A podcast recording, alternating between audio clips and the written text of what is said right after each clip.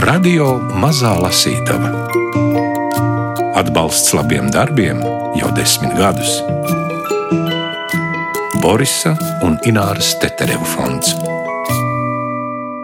Ne, nu, atmiņas jau ir viena no šīs grāmatas tēmām par to, par, ta, tas, kā mēs atceramies cilvēkus, cik ilgi, vai, vai laiks dziedē vai nedziedē, un ko darīt, lai viņš varbūt reizēm nedziedētu, kā, kā šīs grāmatas galvenā varona, nu, viena no varonēm meitenīte vēlas. Kopā ar tulkotāju Maimu Grīnbergu atveram somu autores Selijas Ahavas grāmatu Lietas, kas krīt no debesīm. Um, nu, man patiesībā man tā grāmata stipri, stipri realistiska. likās. Mēs jau varam ticēt vai neticēt. Nu, ļoti iespējams, ka patiešām ir bijis cilvēks, kam piecreiz ir iespējas zibens. Kāpēc ne?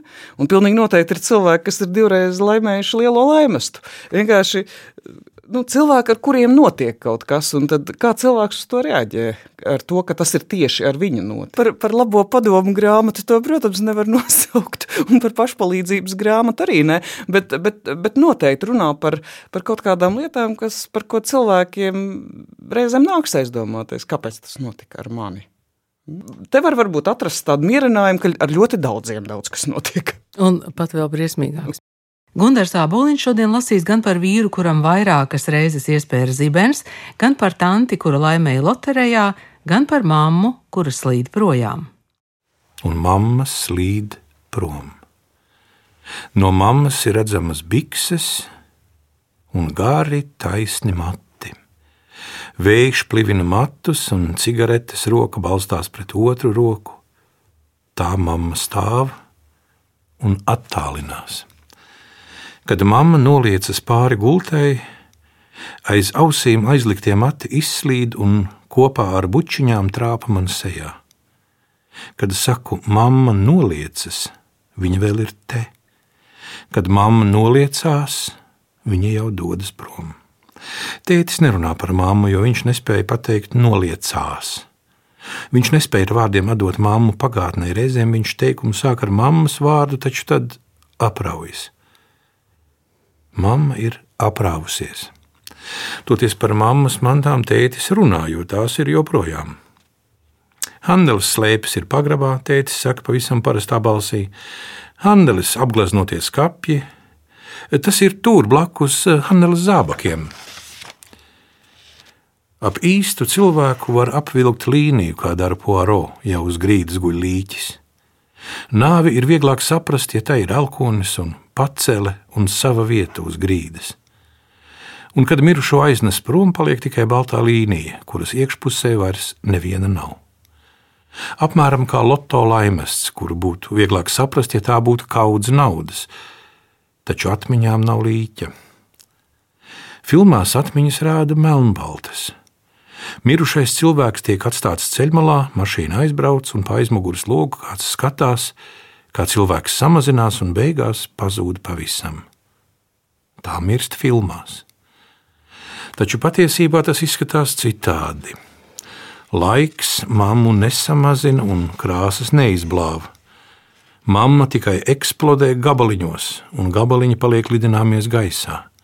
Visi gabaliņi ir spilgti, mati, pirksti, iesmiešanās miesas grumbiņas un nāsis, knakšķošie ceļgali, burkšķošais vēders taču pašas mammas nav.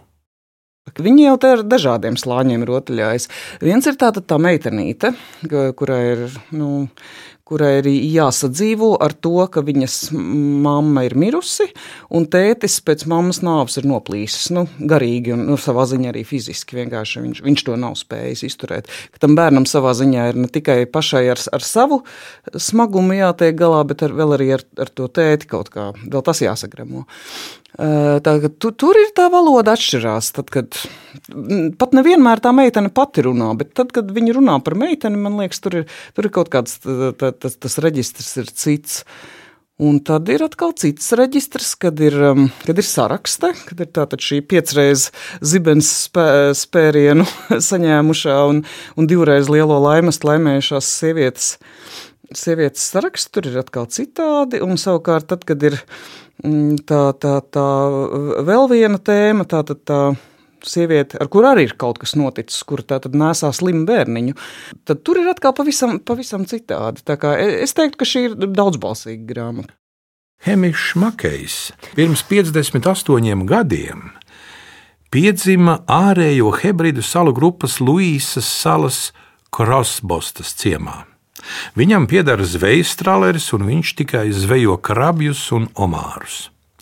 Hemišs Makejs mūža laikā prom no mājām ir aizceļojis tikai četrkārt. Reiz vidusskolas laikā klases ekskursijā uz Glāzgovu, reiz uz māsas kāzām, reiz pirkt kravas busiņu. Kad viņa sievai Mērijai apritēja 50 gadi, Hemišs Makejs un Mērija sagādāja pases un uz divām nedēļām aizlidoja uz Taizemi. Taizemē bija karsti, Brokastīs tika pasniegts tāds pats ēdiens kāds pusdienās un vakariņās, un nekur nevarēja dabūt maizi. Hemišs piemiņai nopirka ar taizemes karti rotātu tēkraklu, bruņu rupuča bruņas un vizošās drānās tērptas dekoratīvās krelles. Pēc tam viņš un Mērija atgriezās mājās. Mūsu stāsts sākas 1988. gadā. Bija svētdienas vakars un iegriezās Ziemeļaustrenis. Virs jūras dārdēja pērkons, kas pie horizonta savāca lietu mākoni. Hemišs Makejs nolēma pietāvot kuģīti vēl divās trosēs. Viņš aizgāja līdz krastam un konstatēja, ka ainava kļuvusi dzeltena. Vējš dzirdami pieņēmās spēkā, piepeši izgaisa visas krāsas, un jūra nogrima tumsā, kaut gan pulkstenis bija tikai seši. Pirmais zibens spēra un apgaismoja jūras selgu.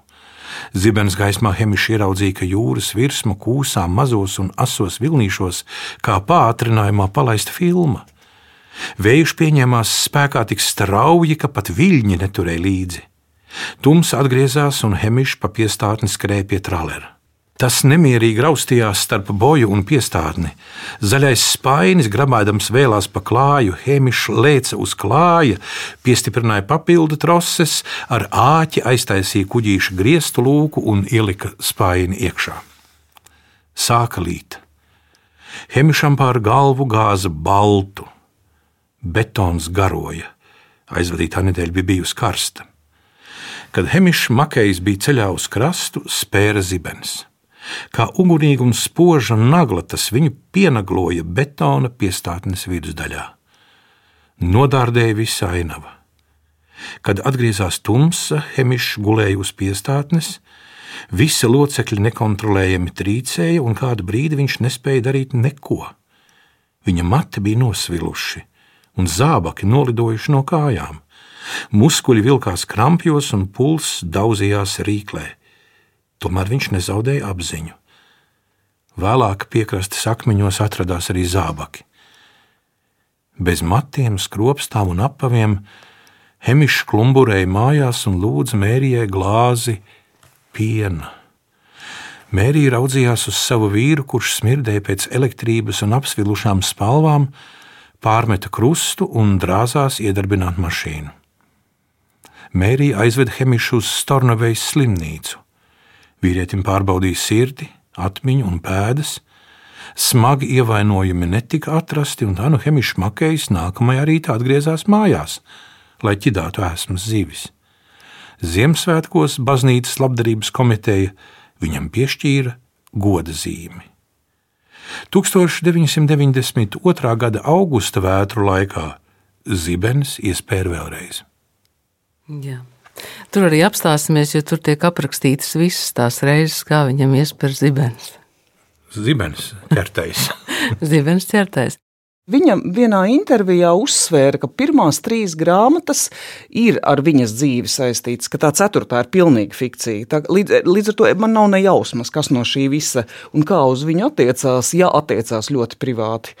Bet, bet kaut kā viņa, jā, to viņa ir pieminējusi, ka tās, ka tās pirmās trīs ir tādas viņas dzīvei.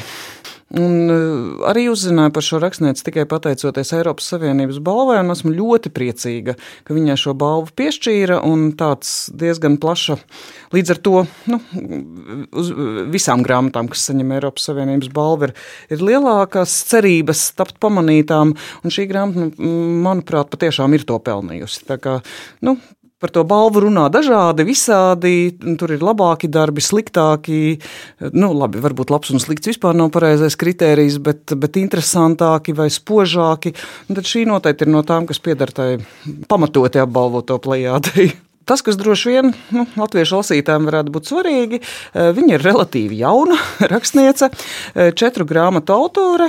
Mm, šī bija otrā. Šī, šī apbalvotā, apbalvotā grāmata bija viņas otrais romāns. Es ļoti ceru, ka latviešu lasītājiem patiks šī grāmata un ka izdevniecība Latvijas mediju būs ieinteresēta izdot arī kādu no nākamajām. Jo, piemēram, trešā. Trešajā ir ļoti interesanta tēma. Eh, viņa risina nu, problēmu, notikumu, kas ir ar viņu pašu notikusi. Eh, un kas droši vien notiek nevienā vien mm, cilvēku dzīvē. Viņas vīrs pēc desmit gadu kopdzīves paziņoja, ka vienmēr ir gribējis būt sieviete.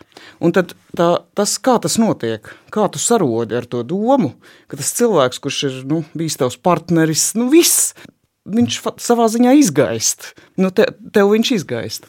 Tā kā tas ir ļoti interesants trešais romāns, un nu pat nu, iznāca viņas jaunākais romāns, neesmu vēl lasījusi, bet nu, man, man jau ir intriga, jo tur ir par sievieti, kas dzīvo 300 gadu, vairāk nekā 300 gadu, un tur ir par bioloģiju, viss kaut kas, es saprotu, tāds par raganām, es saprotu, tāds ļoti, ļoti, ļoti piesātināts un interesants romāns.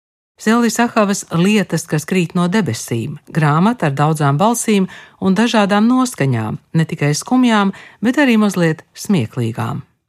Kad man bija seši gadi, Annu tante reiz bija pareizi uzminējusi septiņus skaitļus. Loto bija izsludinājis dubulto džekpotu, un tas nozīmē tik daudz naudas, ka to grūti izskaidrot.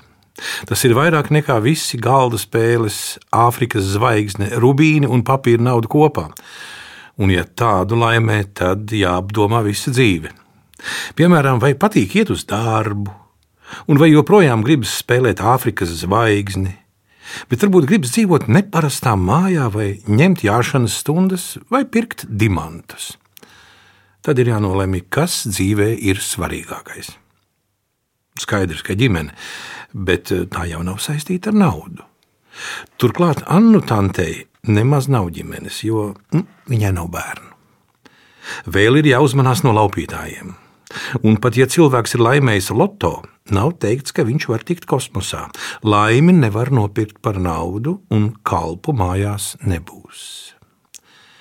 Mēs devāmies pie Annu tantes uz dubultā džeka poda kafiju. Un brauciena laikā tētis un mamma skaidroja, ka loto laimests ir noslēpums, ko nedrīkst stāstīt ne bērnu dārzā, ne pie draugiem, ne veikalā, ne autobusā. To zinām tikai mēs, un tāpēc Annu ir izcepusi torti, un šie būs slepenie svētki. Man patīk svētki, noslēpumi un tortes. Mamma uzposusies. Mamma ir zīda kleita, tāda, kur ir sudrabs un melnā krāsa. Māma paslējas augstumos, jo viņai kājās ir augsta papēžu kurpes. Mati virpulī ceļas uz augšu, it kā saldējuma mašīna būtu ņēmusi un iesūkusi tos mākoņos. Tētis skatās uz mammu un smaida, arī viņa krūtis izriešas, kad viņš cenšas būt līdzvērtīgs mammai. Mammas rokas locītavas žvadz un izskatās, it kā viņas rokas nezinātu, ko darīt, kad atņemta pēdējā iespēja aiztraukt matus no sejas. Tāda mamma ir uzposusies. Degu uzzināt, kāda tante izskatīsies, taču viņa izskatījās tieši tāda pati kā agrāk, izņemot to, ka viņai atkal bija rudi mati. Annu tante pie friziera gāja tikai tad, kad bija dabūjusi stipendiju vai pārdevusi pietiekami lielu sienas segu, un starp šādiem notikumiem paspēja atgriezties matu parastā krāsa. Viņa bija liela un spēcīga sieviete, lai arī dažkārt baidījās ieskatīties acīs, un balss bija klusa, lai arī viņai bija vīrieša rokas. Ziepes, ūdens un auduma putekļi padarīja tantes rokas raupjas un sarkanas, un reizēm tās bija tik sausas, ka virs pirkstu kauliņiem pavērās brūces. Tās bija lāča ķetnes. Muskuļi bija redzami pat starp pirkstiem. Mēs iegāzāmies Annu Tantes daudzstāvu nama dzīvoklī, kurā bija tikai viena istaba un skapī ieslēpta virtuve. Priekšnams bija tik šaurs, un tik pilns ar mēteļiem un apaviem, ka tam cauri vajadzēja iet zosu gājienā. Un Annu tante atkāpās toaletes durvju ailē, lai viesi tiktu garām. Mēs uzmetām mēteļus uz komodes, un viss priekšnams gandrīz nosprostojās. Tētis, mamma un Annu tante apskāvās un dvēsa, ho, ho, ho, ho, ho, nē, nu, nu, nu, zini, nu tas tik ir, nu jā, nu, nu ko lai saka.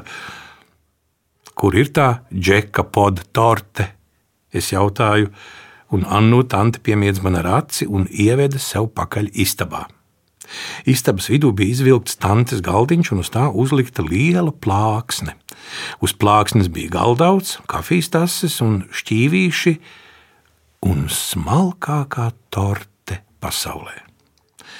Tā bija aveņu un baltās šokolādes krēma torte, kuras virsme viscaur noklāta ar M&M končiņām, lakricas nūjiņām, aveņu spilventiņiem, vīnogām, šokolādes konfektēm, lācīšu konfektēm, popkornu un zefīru sirsniņām. Pašā vidū slēdzās papīra lietus sardziņš, eņģeļmatu pušķis, marcipāna roze un viena svece. Skatīdamās uz torti, sapratu, ka dubultais džeka pots patiešām ir kaut kas īpašs. Pat mamma smējās tā kā sarslīja. Taču tante jau noteikti bija izsmējusies pietiekami, jo viņa pasniedza saliekamos krēslus tētim un mammai un mazliet pabubināja. Loto laimests nekur nebija redzams. To nevarēja vest uz mājām, Annu tante skaidroja. Tas nonāca tieši bankā. Vai tam pietiktu vietas šajā istabā? Nu, nē, esmu pārliecināta. Vai tad tu to pat neesi redzējusi? Tante papurināja galvu un salika kopā lielās, tukšās rokas. Tad saslēja plecus un atkal nolaida lejā. Vai tam pietiktu vietas vannā? Nu, varbūt patiešām būtu bijis pareizi aiziet apskatīt, pēc kā tas izskatās, Annu tante teica. Tētis atkorķēja dzirkstošā vīna pudeli, bet es sev varēju saliet kopā apelsīnu limonādi un Coca-Colu, un neviens pieaugušais nekurnēja. Nu tā, daudz laimes miljonāre, teica tētis, un mēs saskandinājām glāzes. Nē, nu patiešām, ko te lai saka, atbildēja tante.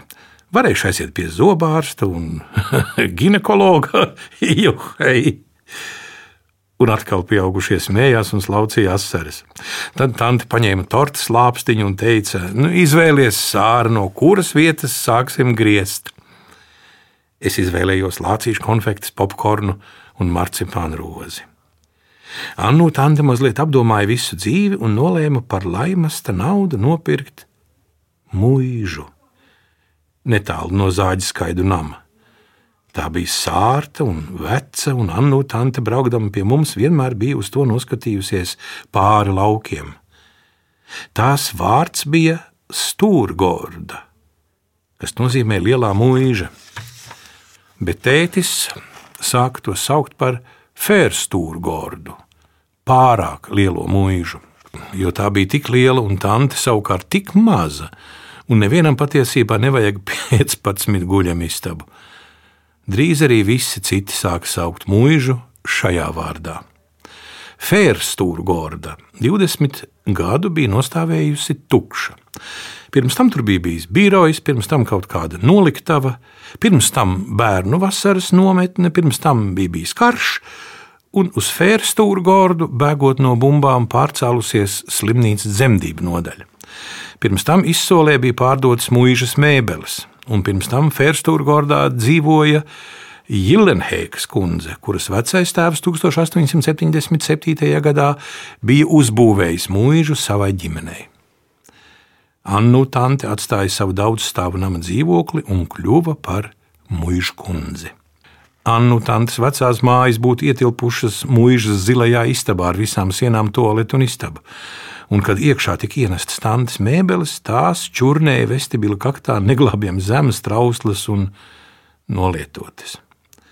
Vienīgā mēbele, kas iedarējās Fērstūra gordā, bija vecais koka trauku skapis. Tas tantes vienistabas dzīvoklī bija stāvējis tumšs un smags, daļēji iedzīts aiz durvīm, un nebija vietas, lai kārtīgi atvērtu tā durvis. Bet pat tajā kaktā trauks kapim bija izdevies izskatīties kā dzīvokļa vienīgajai kārtīgajai mēbelei. Tagad, kad to ienesa zālē, tas izriesa krūtis, iztaisnoja stūrus un ļāva uzplaukt saviem rotājumiem. Man patika tantes Čehoslovāku kafijas tasītes.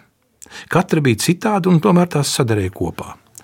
Uz tām bija dažādu krāsu rozes, ainavas, zelta vijas, maiga zālīte, rūsas krāsas sirdis un zaļi trīsstūri. Tasītes karājās strauku skapī uz krūzīšu āģiem, un tiem piederīgās apakštasītes bija novietotas zem tasītēm. Kad pienāca pēcpusdienas kafijas laiks, Annu tante ļāva man uzklāt galdu un pēc patikas izvēlēties tasītes. Sevis parasti izvēlējos rožu tasīti vai tautas tērpos ģērbtu meiteņu apli, mammai lāča pēdas vai violītes, tētim zelta kokus vai gaišzilas burlaivas, un Annu tantei sevišķi lielu krūzi, uz kuras meitene ar cepurīti baro bembiju.